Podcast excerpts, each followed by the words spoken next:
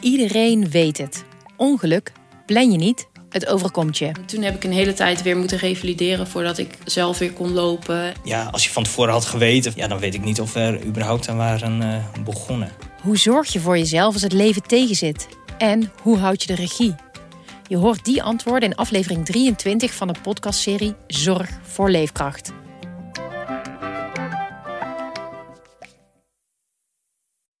Kijk, het gesprek begon ogenschijnlijk over het onrecht dat mensen wordt aangedaan als er zo'n vernietigende recensie wordt geschreven. En wat dat met mensen doet. Daar leek het gesprek over te gaan. Maar gaandeweg, en dat is dankzij goed redactiewerk, blijkt dat die test niet deugt. Eva Jinek vertelt in Gonzo over het verhaal achter een van de spannendste gesprekken aan haar talkshowtafel. Via polymo.nl slash gonzo luister je de eerste 30 dagen gratis. polymo.nl slash gonzo. Welkom bij een speciale aflevering van Man met de microfoon. Hoewel, dat heb ik eerder al aangekondigd. Het is een aflevering die ik mocht maken voor een andere podcast waar ik fan van ben. Uh, namelijk de podcast Platte Grond. Twee losse woorden, Platte Grond. En dat gaat over architectuur en ruimtelijke vormgeving. En die hadden nu een derde seizoen. En toen zat ik volgens mij op Instagram te zeggen: Oh yes, er is een nieuw seizoen Plattegrond. En toen kreeg ik een mailtje van de initiator Michiel van Poelgeest. Hey Chris, wil jij zelf niet een aflevering voor ons maken over de Bloemkoolwijk? En toen dacht ik, hè, de Bloemkoolwijk? Wat is dat? En ik dacht ook, ja, natuurlijk wil ik een aflevering maken. Dus die krijg je zo te horen. Ik heb ook geen uitleiding, want dat zit gewoon aan die aflevering. Uh, daarom nu nog, uh, voordat we gaan luisteren, een andere tip. Want ik werk ook mee aan een podcast van Staatsbosbeheer. Die hebben ook een derde seizoen. Uh, en daarin interview ik planten en dieren. Ja, oh, en Chris, want volgens mij heb je dat niet op je papiertje staan. Ja, ik heb uh, geen papiertje. Dit is echt een uh, podcast voor het hele gezin. En het is nu nog vakantie. Ja. Dus dan kunnen die mensen met het hele gezin in de auto, als ze ergens naar op weg zijn, of lekker gewoon thuis, als het heel erg regent, met z'n allen luisteren naar zo'n aflevering. Dat wil ik gewoon zeggen. Had je, of had je dat toch op je papiertje staan? Ik heb geen papiertje. Oh, nou ja, begin dan maar met uh, een zin van en in het nieuwe seizoen. Ja, doe maar. En in dat nieuwe seizoen interview ik de Haring, gespeeld door Maaike Meijer. De Wolf, gespeeld door Eva van der Gucht. Korstmos, dat is Arjan Ederveen. En tot slotte een heel bijzondere diersoort, namelijk de mens, gespeeld door Theo Maassen. Uh, die moet je zelf even opzoeken, die podcast. Die heet Groene Oren. Nou, zoek hem op. Abonneer je erop, kan je uh, volgens mij wel twaalf afleveringen luisteren. Maar dan gaan we nu dus naar de aflevering over de Bloemkoolwijk. En ik zeg ook nog even uh, dat ik dus over twee weken met een nieuw seizoen van Man met de microfoon begin. Dat is een heel bijzonder seizoen. Maar ja, eerst dus plattegrond. Dit is een podcast over pioniers, architecten en andere cowboys. Ik ben Nienke de la Rive Box en dit is Plattegrond. In seizoen 3 maken we verhalen over jong erfgoed. Na de Tweede Wereldoorlog, tijdens de wederopbouw, werden in Nederland honderdduizenden woningen gebouwd. Dat waren meestal woonwijken met grote monumentale woonblokken en rechte straten waar de functies van wonen, werken en recreëren keurig gescheiden waren. Het was zielloos, het was niet leefbaar, het was uh, anti-stedelijk, er was niks te doen, het was saai, het was uniform. En uh, er waren ook allerlei rare verhalen van de flatneuroses. Dat je mensen uit het raam sprongen van ellende van die flats. Dat is volgens mij niet waar, maar dat werd wel uh, verteld. En dus besloot een aantal architecten van de zogeheten Forumgroep dat het tijd was voor een andere gedachte. Forum wilde terug naar een stad die vooral herkenbaar was, kleinschalig was, um, gemoedelijk was, dorps in zekere zin. Zo ontstonden er in de jaren 70 en 80 nieuwe wijken waarin kleine woonerven en hofjes centraal stonden. Waar de hoge flats plaats maakten voor laagbouw en waar er geen lange rechte straten meer waren, maar kleine kronkelige weggetjes. Een vorm die ook sterk doet denken aan een doolhof. Al die kronkelpaadjes door het bos, ik weet niet als we daarheen gaan waar ik kom. stom, hè? Dat je gewoon continu verdwaalt in je eigen wijk. Het gebeurt gewoon. Als je goed kijkt, heeft het stratenplan van deze buurten iets weg van een doorgesneden bloemkool. Waarbij een grote toegangsweg naar kleine doodlopende roosjes leidt. Het heeft ook helemaal niets te maken met spruitjeslucht. Dat dacht ik dus altijd. Ik kan me dat heel goed voorstellen. Ik had, toen ik de eerste keer de term hoorde bloemkoolwijk, had ik ook een beetje het idee van, oh, dat stinkt het zeker altijd. Maar het heeft gewoon te maken met, als je de plattegrond bekijkt van zo'n wijk, dan lijkt het alsof het een doorgesneden bloemkool is. Dus je begint met één grote toegangsweg en dat vertakt zich een beetje, maar aan het eind daarvan zitten altijd die bloemkooltjes en niet weer een nieuwe weg. Dit is de stem van Anita Blom, de Post65-expert van Nederland. Met haar praat ik straks ook na over dit verhaal. Een verhaal dat dus gaat over bloemkoolwijken. De wat knusse, soms verborgen wijken die door een aantal architecten stevast werd weggezet als nieuwe truttigheid. Kijk, wat, wat voor ons een positieve kwaliteit is, is de rust. Maar als je uit een dynamisch stadsmilieu komt en je komt hier, ja, dan vind je het misschien truttig. Is de kritiek terecht of zitten er misschien wijken tussen die het zelfs verdienen om tot erfgoed te worden bestempeld? En kun je een hele wijk wel als monument aanwijzen? Luister naar dit verhaal van Chris Baayema over de verborgen parel die hij ontdekte. Dit is Plattegrond aflevering 22. Hoezo truttig? Ik had er ook nog nooit van gehoord. Maar toen ik me verdiepte in de Bloemkoolwijk, toen bedacht ik me... hé, hey, mijn oude theaterdocent Leo Verton is een paar jaar geleden met zijn vriend verhuisd naar een typische bloemkoolwijk in het plaatsje Doorwerd in Gelderland. Dus ging ik langs. Daar ben ik. Hoi. Hallo. Hoi, hoi, hoi. Mijn man. Hoi. Hoi, Jochie. Hoe is het? Ja. Ze wonen in een woning opgeleverd midden jaren 70. Een lichte woning en het doet een beetje aan de stijl denken. Veel rechte hoeken, een plat dak en grote raampartijen. Alleen dan in aardse onopvallende kleuren en, heel jaren 70, in de hoek een wenteltrap naar boven. Oh ja, wat vind je ervan dat je, een, dat je in, je had ook nog nooit gehoord van de Bloemkoolwijk?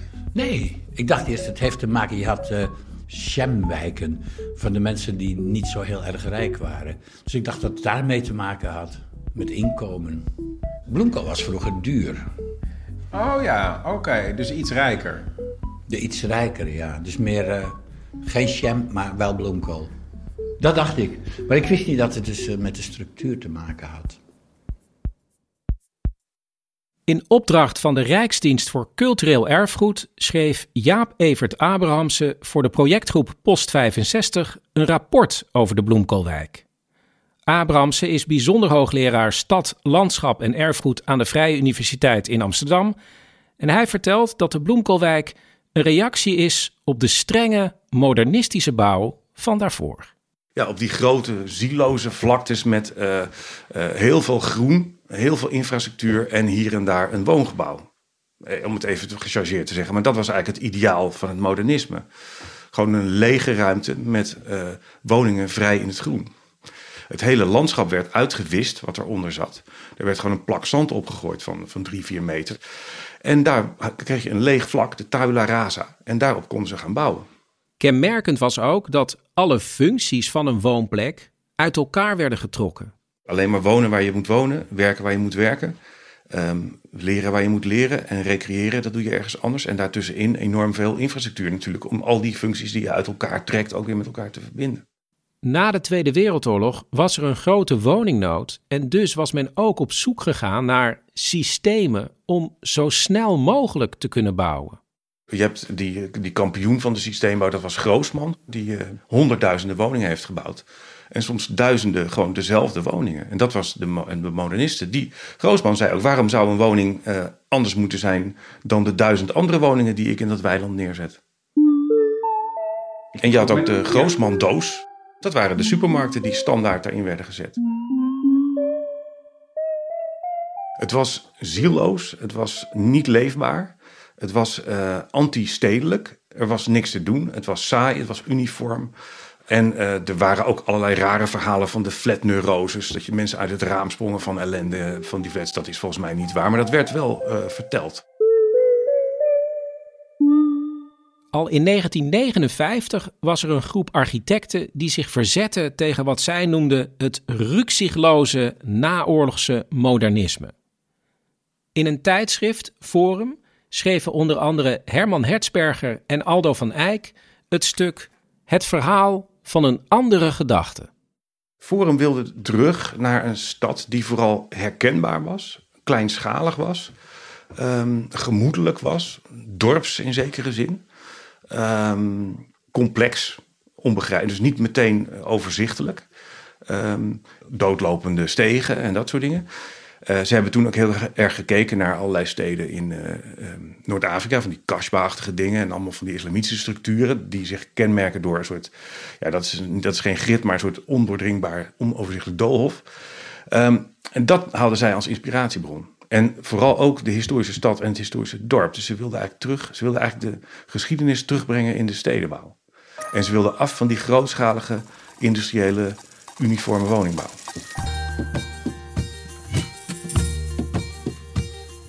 Gaan even door de buurt wandelen, maar we nemen een kaartje mee. Ja, we nemen de kaart mee, want ik verdwaal hier nog steeds, ook al na vijf jaar. In Doorwerd ga ik met Leo de wijk in. Die bestaat uit twaalf hofjes en ook wel bekend is onder de naam de clusterwoningen. Nou, je ziet het al, de weg loopt hier naar beneden. Duidelijk uh, een heuvel. Ze hebben de heuvel gelaten zoals die was. En het bos zoveel mogelijk gelaten zoals het was. Uh, ze hebben kale... Uh, de buurman daar is een bioloog die zegt het zou nu niet meer kunnen. Dat ze gewoon een bos kappen om een, een wijk in te bouwen. Maar dat is hier wel gebeurd. Dat rekening houden met de natuur gebeurde niet alleen in Doorwerd, maar ook bijvoorbeeld in de groeikernen uit de jaren 70 en 80, zoals Zoetermeer en Lelystad, waar heel veel bloemkoolwijken ontstonden. En daar hadden de huizen qua vorm trouwens nog iets ja, historischer qua verwijzing. Ze hadden namelijk puntdaken. Niet alleen die woningen waren herkenbaar, maar die moesten ook in een herkenbaar landschap staan. Dus het Hollandse polderland, dus het typische uh, van het Nederlandse landschap. Dus de sloten en soms bomenrijen, laantjes, soms ook oude boerderijen. Die werden gehandhaafd om de herkenbaarheid van zo'n wijk nog te vergroten. En geheel volgens deze gedachte zijn de hofjes in Doorwerd gebouwd in het bestaande heuvelige landschap.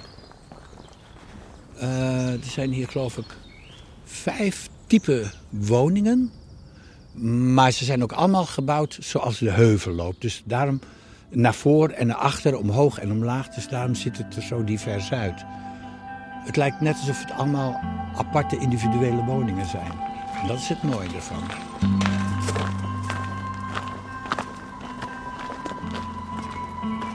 We lopen nu op een, uh, een voetpaadje tussen, uh, van de ene cluster naar de andere cluster, toch? Ja. Dit... En dit, is dit ook een, een, snelweg naar de supermarkt? Ja, dit is de snelweg naar de supermarkt. Kijk, dit zijn allemaal bomen van het oorspronkelijke bos. Waar soms hele oude tussen staan ook. En vooral op de pleintjes. Midden op de pleintjes staan oude bomen. Dat was ook de bedoeling, leven met de natuur. Daarom kun je ook van alles met je tuintjes doen. Iemand die heel veel tijd in haar tuin steekt, is Irma Korte. En die woont een paar hofjes verderop. Wat de oorspronkelijke bedoeling is van, van uh, deze, deze wijk, is dus dat de achtertuin uh, geleidelijk overgaat in het bos. Uh, ja, en ja, ik vind mijn eigen achtertuin heel erg mooi. ja, er zitten gewoon heel veel bloemetjes, bijtjes en ook ja, bessenstruiken. samen met de buurvrouw op de grens geplant. En, en, dan beleef je ook echt, zeg maar, die, die mooie groene, groene bosrand. Irma kan zich ook nog heel goed herinneren hoe ze hier twintig jaar geleden met haar gezin kwam wonen en voor het eerst in haar eentje in de woonkamer ging zitten. En toen zat ik hier zo, zeg maar, hier in de schuifbui. Overal de vogeltjes en ja, je ziet de eekhoorntjes slopen. Uh, ik kreeg echt helemaal het uh, sporthuis centrumgevoel uh, toen ik hier was. en ja, we hadden toen ook een kleine, zo, die was bijna twee. En toen kwamen er gelijk ook al dames naar buiten die wat ouder al waren. En die vonden dat fantastisch, weer zo'n kleine op het plein. En die kleine kon heel veilig spelen, want de auto was teruggedrongen in tegenstelling tot de wederopbouwwijk. Jaap Evert Abrahamsen. Juist die wijken van na de Tweede Wereldoorlog, die waren voor de auto's met brede wegen, lekker rechtdoor rijden. Vierbaans wegen dwars doorheen en uh, overal parkeren. Uh, met als culminatiepunt eigenlijk de Bijlmermeer, hè, met die grote dreven. En dan was je, kon je je parkeergarage in en dan kon je meteen door naar de flat, volledig op de auto gebaseerd. Um, dat kon niet in die bloemkoolwijk. Dus daar werd um, het woonerf voor uitgevonden. Het woonerf met dat typisch Nederlandse bord. Van dat grote mannetje met dat kleine mannetje die een bal overschieten, een huisje en een heel klein autootje. Want? Het idee was om de auto te temmen, om die gewoon om de snelheid te verlagen, heel veel bochten. Um, je kon, het was ook onoverzichtelijk, dus, dus en dus moesten de kinderen op straat kunnen spelen. Op het hofje van Irma woont ook Verder van der Meulen met zijn vrouw. En zij zijn een van de laatste originele bewoners, denk ik. Toch, Verder? Dat denk ik wel, ja. Dat moet haast wel, want hier zijn er nog... Op dit plein van 24 woningen zijn er nog uh, 1, 2, 3, 4. Kan hij zich nog herinneren wat hem zo aantrok om hier te komen wonen? Het bijzondere aan dit plan, dat is dat het keukengebeuren, het, het leven speelde zich vooral aan de straatkant af met de keuken. Dat is een heel bijzonder kenmerk van dit plan. Dus wij wandelen hier doorheen en dat was wat ons frappeerde. Je zag overal waren mensen in de keuken bezig en kindertjes spelen uh, op, het, op het plein. Nou ja, dat was gewoon, dus hier moet je wezen. Nu is het ook een wijkje, wat als het goed is, heb je veel meer uh, een sociaal contact met de mensen. Want dat was het oorspronkelijke idee. Is dat nog steeds zo? Ja, dat is, dat is zeker wel zo. Ja, je, je kent de mensen van je eigen pleintje.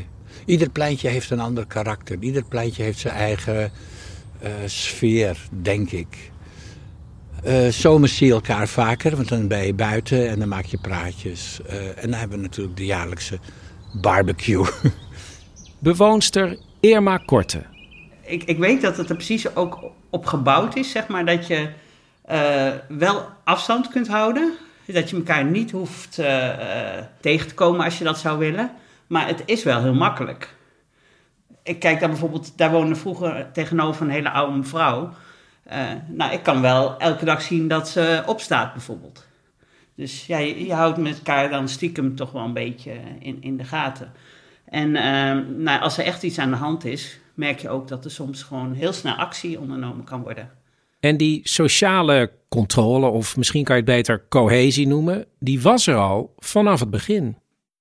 Er ontstonden natuurlijk wel vriendschappen. En er zijn natuurlijk ook wel relaties ontstaan. Maar dat waren dan een beetje, uh, hoe heet dat? Uh, het was de jaren zeventig. Jaren zeventig. Ja, dus die, de zitkuilrelaties, de sleutelrelaties. Uh, ja, dat, dat, dat soort Een beetje dingen. wisselen van partner. Daar hebben wij nooit iets van, van gemerkt. Dat was die maar tijd dat, gewoon. Dat is die tijd. Maar dat sociale aspect was natuurlijk niet het enige. Het was ook de bedoeling dat ze aan die huizen zelf gingen klussen. Dat het niet allemaal, hè, dat mocht allemaal. Je moest ook weer een beetje zelf de betrokkenheid bij de stad en bij je omgeving zien te krijgen. Want dat was ook weg door die modernisten. Het feit dat mensen zelf aan hun huis mochten klussen, betekende dat er al snel uh, schuttingen verschenen in de tuinen of bijvoorbeeld kleine schuurtjes. Er waren ook mensen die uh, hoekjes in de openbare ruimte zelf gingen inrichten. Er waren zelfs gemeentes die aan de bewoners geld gaven, zodat ze het groen zelf konden verzorgen. Dat eigen initiatief, wat misschien wat rommelig over zou kunnen komen, in combinatie met de onopvallende architectuur van een bloemkoolwijk, leidde binnen architectuurkringen al snel tot hevige kritiek. Zo noemde de bekende architect Karel Weber de bloemkoolwijk een voorbeeld van de nieuwe truttigheid. Bij deze nieuwe stijl wordt de kleinschaligheid gepresenteerd door structurele onduidelijkheid, onruimtelijke objectmatigheid, formele willekeur, Ongenuanceerde springerigheid en kappen in alle mogelijke richtingen. Natuurlijke aardse kleuren en materialen, een en ander gedekt door inspraak. Het bouwproduct is nu gereduceerd tot maatschappelijk verdovingsmiddel. En dan zie je de. Ja, er is, ik weet niet eens, het is niet echt een voor- of een achterdeur. Hè? Het is gewoon. Ja, het is niet echt een. dit is de het voordeur. ja, het is een voor, maar het is niet echt. Het ziet er niet uit als de voorkant van een huis. Het had ook de achterkant kunnen zijn. Het had de achterkant kunnen zijn. Toch? Dat klopt, ja. Ja. Ja. Ja, dat klopt, ja. Maar het is de voorkant. En eh, je loopt door je carport naar je huis toe. Veel mensen zeggen ook van ja, eh bloemkoolwijken, niet echt monumentale architectuur. Ik vind dit er heel mooi uitzien, het, maar het, valt, het is bijna onopvallend op een bepaalde manier. Ik vind het een geweldige wijk, wat dat betreft. Toen we hier kwamen, dachten we meteen van... nou, hier zit een, een heleboel ideeën van Rietveld in. En ik hou van Rietveld. En dat vind je hier overal terug. Dus ik vind het... Wat zei jij nou? Eh, Nou, niet monumentaal vinden niet mensen. monumentaal. Ik vind het wel monumentaal. De architect is daar natuurlijk niet meer de vormgever van de grote gebaren. Maar die voegt zich in een soort ja, plak van woningbouw, van hele dichte laagbouw. En een architectonisch statement kan je eigenlijk niet maken in zo'n wijk. Dat was ook niet de bedoeling. Het is allemaal heel herkenbaar. Het is kleinschalig. Het is baksteen met schuine pannendaken en hoekjes. En dus wat die architecten tegen bloemkoolwijken hadden, is dat ze eigenlijk ze konden niet lekker losgaan en een statement maken. Eigenlijk zat het ego van de architect een beetje in de knel. Ja, het ego van de architect is, is heel groot. Het zit ook vaak snel in de knel, want grote dingen zitten vaak sneller klem. Je hoort de natuur, Ja. maar jullie zijn heel erg eh, cultuurmensen, altijd naar de bioscoop, naar het theater. Ja, dat is wel... Maar dat is een heel ander verhaal. Hè? Ja, maar dat hoort er ook bij. Ik mis, de stad, eh, ik mis de stad heel erg. En het is heerlijk als we zo nu en dan eens drie weken in niemand anders huis mogen wonen. In Amsterdam en dan, doen we weer, dan zijn we weer stadsmensen. Dus ik, ja, ik, ik mis dat. Maar ik ben er, het, je krijgt er wel een heleboel voor terug, moet ik zeggen. Wat krijg je ervoor terug? Bos, lucht,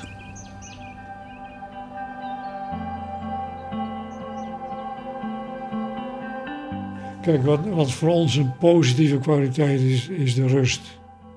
Maar als je uit een dynamisch stadsmilieu komt en je komt hier, ja, dan vind je het misschien truttig. In hun oorspronkelijke ideeën hadden de architecten van de Forumgroep ervoor gepleit dat de gescheiden functies zoals wonen, werken en recreëren weer bij elkaar gevoegd moesten worden, net als in een historische stad.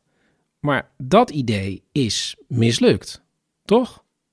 Ja, maar dat is natuurlijk ook best ingewikkeld als je kijkt naar waar die bloemkoolwijken liggen. Dat zijn nu eenmaal geen centra van steden.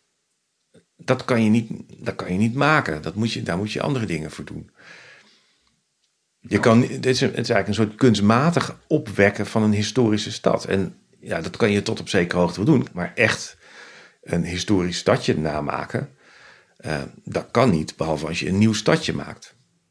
Ja, maar dus het is eigenlijk alleen maar wonen geworden. Ja, in die zin is er. eh, volgens mij is het vaak wel bedoeld om er andere dingen in te krijgen. Ook eh, winkeltjes en zo. Maar ja, dat is natuurlijk niet heel kansrijk.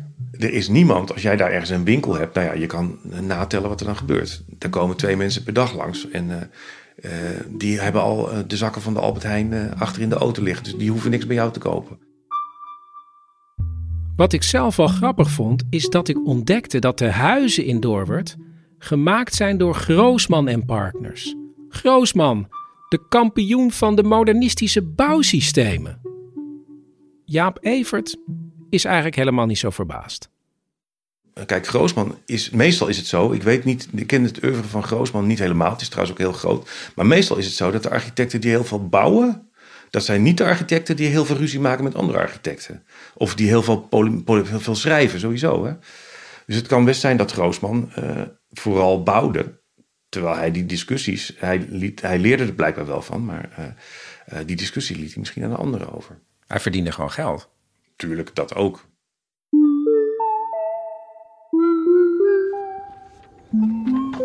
Maar eh, wacht, ik vind het heel grappig, maar dat we met een landkaart lopen, uitgeprint. Dat is echt geen geintje. Je weet echt gewoon soms niet waar je bent. Nee, nee, ik weet, nee.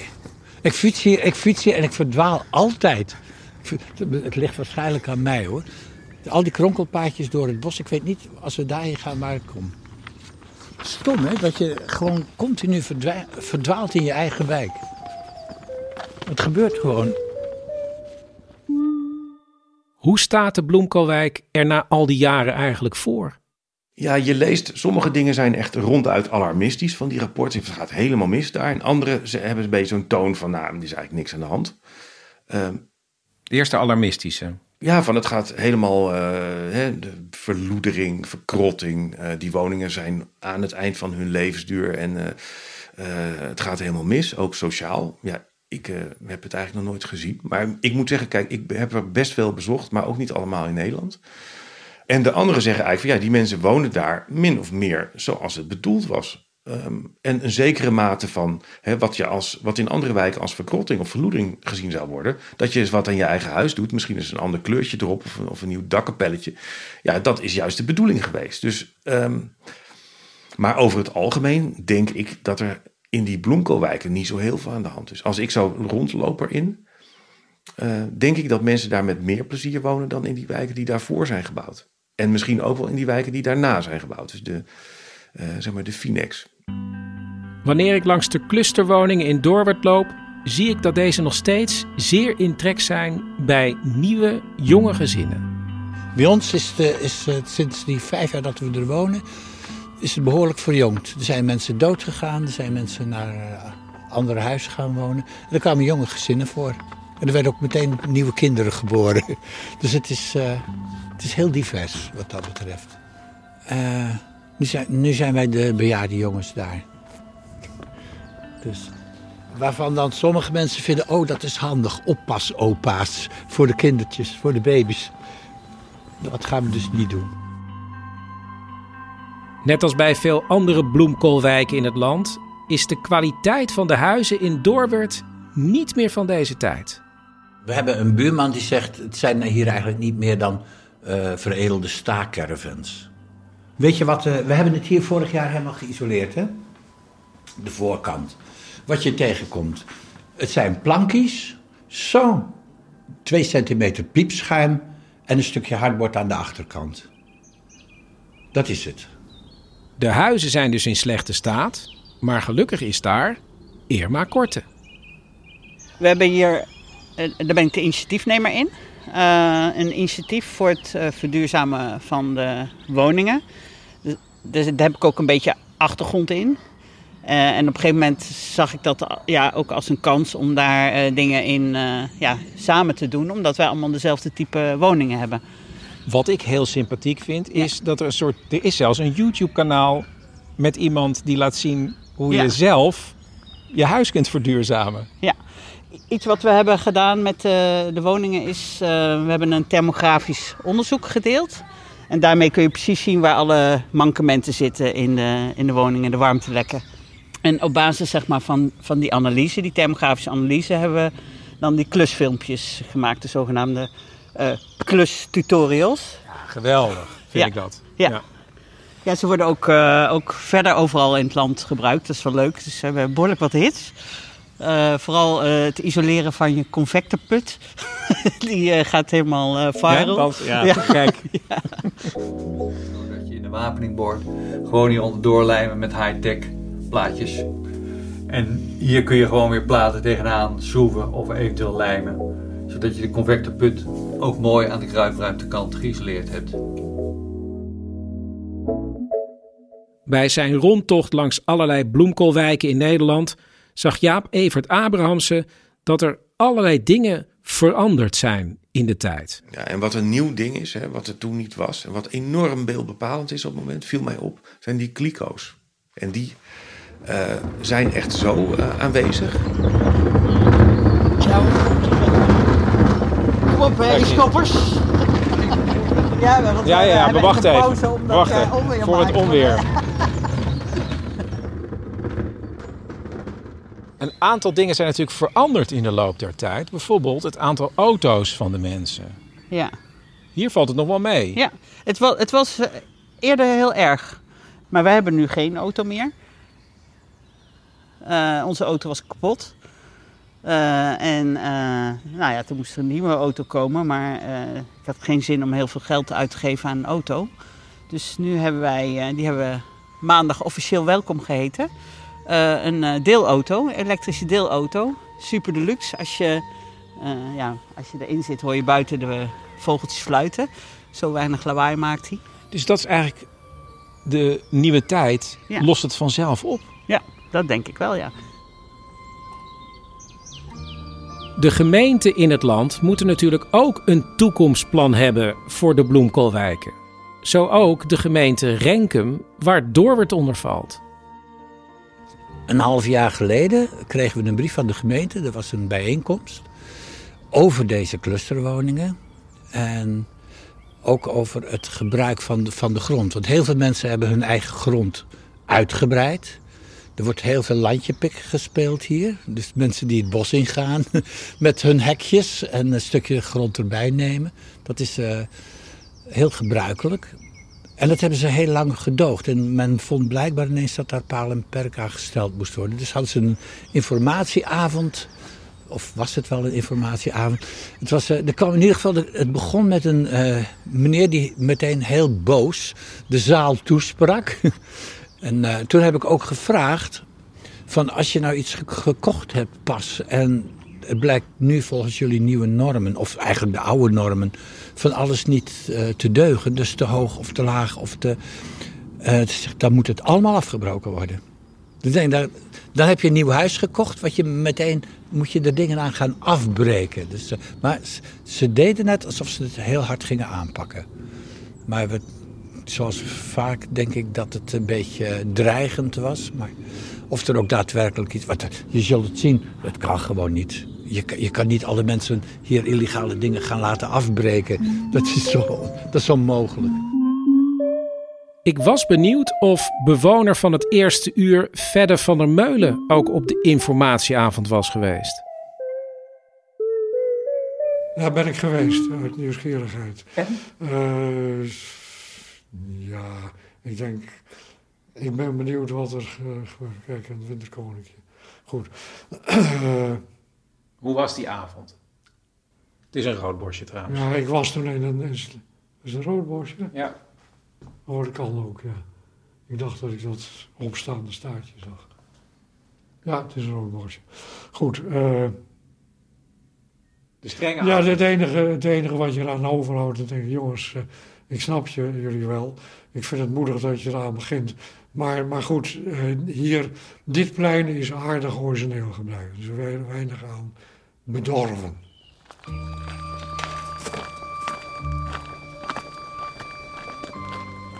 Er zijn mensen die hebben hun carport dichtgetimmerd. Zodat ze een hele schuur hebben. Dat was niet de bedoeling. Het moesten allemaal open blijven. Zie je, er zitten ook al die hekken zijn open. En dan mag je dan wel een klimplant tegenaan zetten. Maar het is niet de bedoeling dat je hem dichttimmert. En er is er daar een, als ik het goed heb. Die hem heeft dichtgetimmerd. Want die heeft een oldtimer. en die wou die wel... Kijk, daar. Dat is helemaal het rolluiken of ding. En dat zou kunnen dat de gemeente nu zegt... Ja, daar vinden ze van dat dat dus niet kan. Dus het open karakter van het pleintje, van, van de carports, heeft hij doorbroken. En daar, uh, daar vallen ze over. Ze willen dus dat collectieve karakter willen ze eigenlijk bewaren. Wat wel in de geest van zo'n wijk is. En dat privatiseren van die, van die, van die buitenruimte en van die, eigenlijk dichtmaken van zo'n carport, dat, ja, dan maak je het van jezelf. En dan is het alleen maar van jou en niet van de, hè, dus de schutting omheen. En dan is het jouw, jouw tuin en niet meer, dan is het niet meer een deel van de wijk en van die collectieve ruimte. Dus ik kan me voorstellen dat als je zo'n wijk wil bewaren, dat je ook probeert om dat een beetje uh, in stand te houden. Maar aan de andere kant is het ook weer in de geest met zo'n wijk dat je het moet toe-eigenen en je daar zelf je eigen ding moet kunnen doen. En ook individuele expressie aan je woning, nou ja, dat echt jaren zeventig dingen. Uh, dat dat ook moet kunnen. Dus dat is best een lastige, een evenwicht wat je moet zien te zoeken.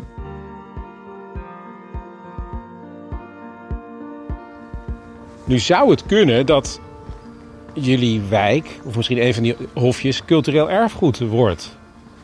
Het zou me niks verbazen. Ja? Ik vind het eh, wel de moeite waard. Om, om dit idee van wonen te, te bewaren, ja. En dan snap ik ook wel dat je een beetje de, de oorsprong ook wil bewaren. Ik denk dat er heel veel pareltjes tussen zitten die eigenlijk gewoon vrij onontdekt zijn. Ja, dat denk ik ook. Want niemand is er ooit geweest. Want als je er, als je er niet woont, of bij iemand of iemand kent, dan heb je er ook niks te zoeken. Want ze zijn ook min of meer afgesloten van de buitenwereld. Je hebt ook altijd de buitenkant van die wijken is het min, minst aantrekkelijke deel. Dat is vaak een beetje gesloten hè, met uh, een ringweg eromheen. En pas als je erin gaat, in die doodlopende, nou, die bloemkoolachtige structuren, dan kom je het wezen van die wijken tegen. Dus aan de buitenkant zie je niet wat het is. Zijn er bij de projectgroep Post 65 eigenlijk al lijsten van bloemkoolwijken die eventueel in aanmerking zouden kunnen komen om erfgoed te worden? Er zijn heel veel lijsten. Uh, die heb ik nog niet eens allemaal gezien. En uh, de komende tijd wordt daarmee, gaan we daarmee aan het werk. Dus dat gaat gebeuren de komende jaren. Dus um, over vijf jaar hebben we de eerste monumentale bloemkoolwijken. Ik ken die planning niet helemaal uit mijn hoofd. Maar, maar dat, zou zoiets. me, dat zou me niks verbazen, ja. Dan gaan we um, misschien in Doorwerd met de pleinvertegenwoordigers uh, de oorkonde overhandigen. Nee, ik weet het niet. Ik weet ook niet waar dat komt, maar dat, ik, dat zou me niks verbazen. En zou dat ook betekenen dat ze serieuzer genomen gaan worden? Ik denk dat de bewoners er sowieso wel serieuzer nemen dan de gemiddelde wederopbouwwijk. Want het is niet alleen maar die architecten of de, de, de, de, de al dan niet vermeende intellectuelen uh, die daar iets over te zeggen hebben. Het zijn ook nog de bewoners. Daar heb je het. We staan op ons eigen pleintje. Daar had ik het nog niet in de gaten. het is toch te gek voor woorden? Ik zie het nu ineens. Oh ja, de Zonse boom.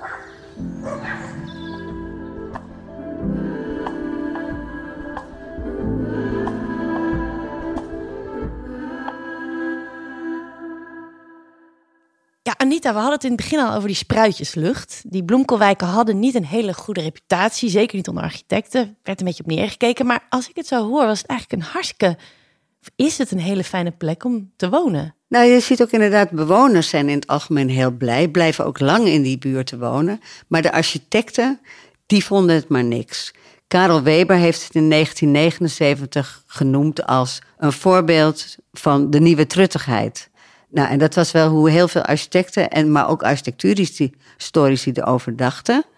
En dat is ook de reden waarom het jarenlang eigenlijk als architectonische vormgeving uh, een hele negatieve bijklank heeft gehad. Terwijl het is heel prettig wonen. Uh, veel van die wijken die zijn gebouwd in zogenaamde groeikernen.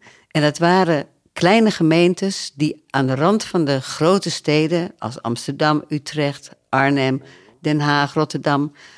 Gemeenten die werden aangewezen als groeikernen. En daar gingen de mensen wonen die in de grote steden eigenlijk geen woning konden vinden. Of een hele slechte woning hadden. Die bijvoorbeeld drie hoog achter woonden. En helemaal geen eigen tuintje hadden. En nu hadden ze de mogelijkheid om eigenlijk tegen dezelfde huur, tegen een geringe koopsom, een huis met een tuin te kopen. En dat gaf meteen ook een soort gemeenschappelijk gevoel voor die mensen. Want die kwamen dus allemaal bijvoorbeeld uit Amsterdam in Almere wonen. Of vanuit Den Haag in Zoetermeer wonen. En hadden opeens de ruimte. Nou, dat was natuurlijk hartstikke fijn. Ja, het klinkt ook echt wel hoe mensen nu over Finex-wijken praten. Er wordt een beetje op neergekeken, maar de mensen die er wonen zeggen... ja, maar ik heb wel voor relatief weinig geld heel veel ruimte, een tuin, meerdere kamers. Ja. In feite kan je zeggen, dat was dus gewoon een goed idee, een goed ontwerp. Maar te weinig misschien monumentaal of te weinig prestige voor architecten om, het, er positief naar te kijken? Ja, kijk, heel veel van die architecten en stedenbouwkundigen houden van een beetje een hiërarchisch opbouw van de stedenbouw. Dus je begint met kleine dingetjes en dan wordt het groter, maar het heeft allemaal verband met elkaar. En die bloemkoolwijken, dat lijkt een beetje uiteengespat en, en weinig hiërarchisch. En dat vinden uh, sommige architecten toch lastig om dat op positieve manier te beoordelen. Dus best iets waar we trots op kunnen zijn. Nou, het is een hele eigen ontwikkeling in de Nederlandse stedenbouw. En je hebt natuurlijk uh, bloemkoolwijken die wat meer shabby zijn, waarvan je denkt van nou, dat mag ook wel weg.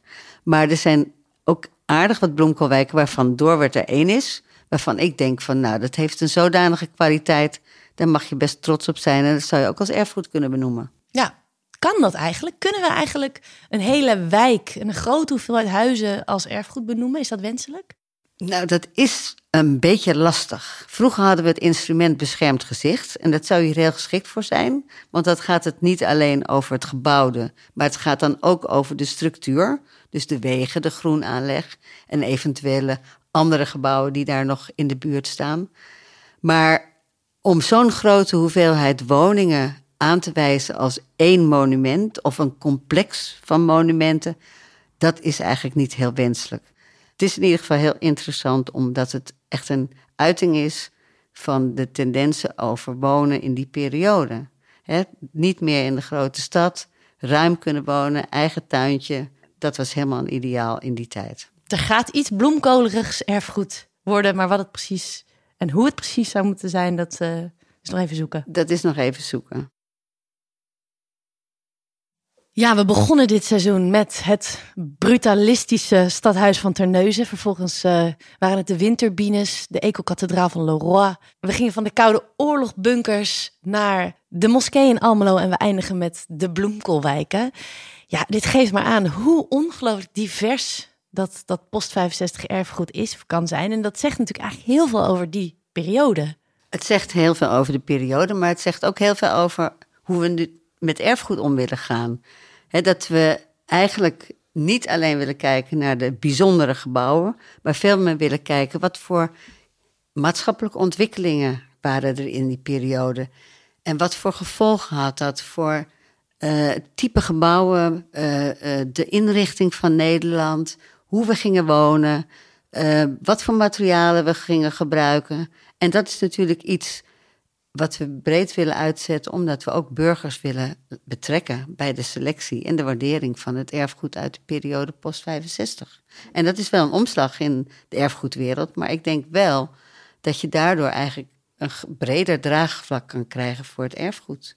Ja. En ook voor diverser erfgoed, zoals bij de moskee. Ja, hopelijk hebben we met deze serie afleveringen daar een klein beetje aan kunnen bijdragen. Want ja, dit seizoen plattegrond zit er nu op. Maar het benoemen van Post 65 erfgoed, dat staat nog eigenlijk helemaal aan het begin. Dat gaat nu gebeuren. Inderdaad, Post 65, dat gaat nu aangewezen worden. Ik ben daar zelf niet meer bij betrokken direct uh, om het erfgoed uit die periode aan te wijzen.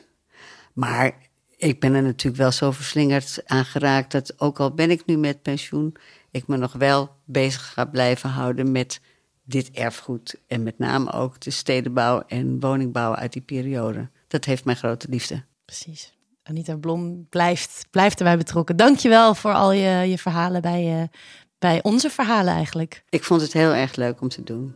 Veel geluk en dankjewel. Het is gewoon belangrijk om mensen opnieuw te laten kijken naar hun omgeving. En dat doe je veel beter door het vertellen van verhalen in plaats van er een labeltje aan te hangen: dit is erfgoed. Je luisterde naar een verhaal dat gemaakt werd door Chris Baeyema. Hij verzorgde ook de montage. De muziek werd gemaakt door Michiel van Poelgeest en de audiomix was in handen van Paul Sven de Haan. Mijn naam is Nienke de la Box en het nagesprek deed ik samen met Anita Blom.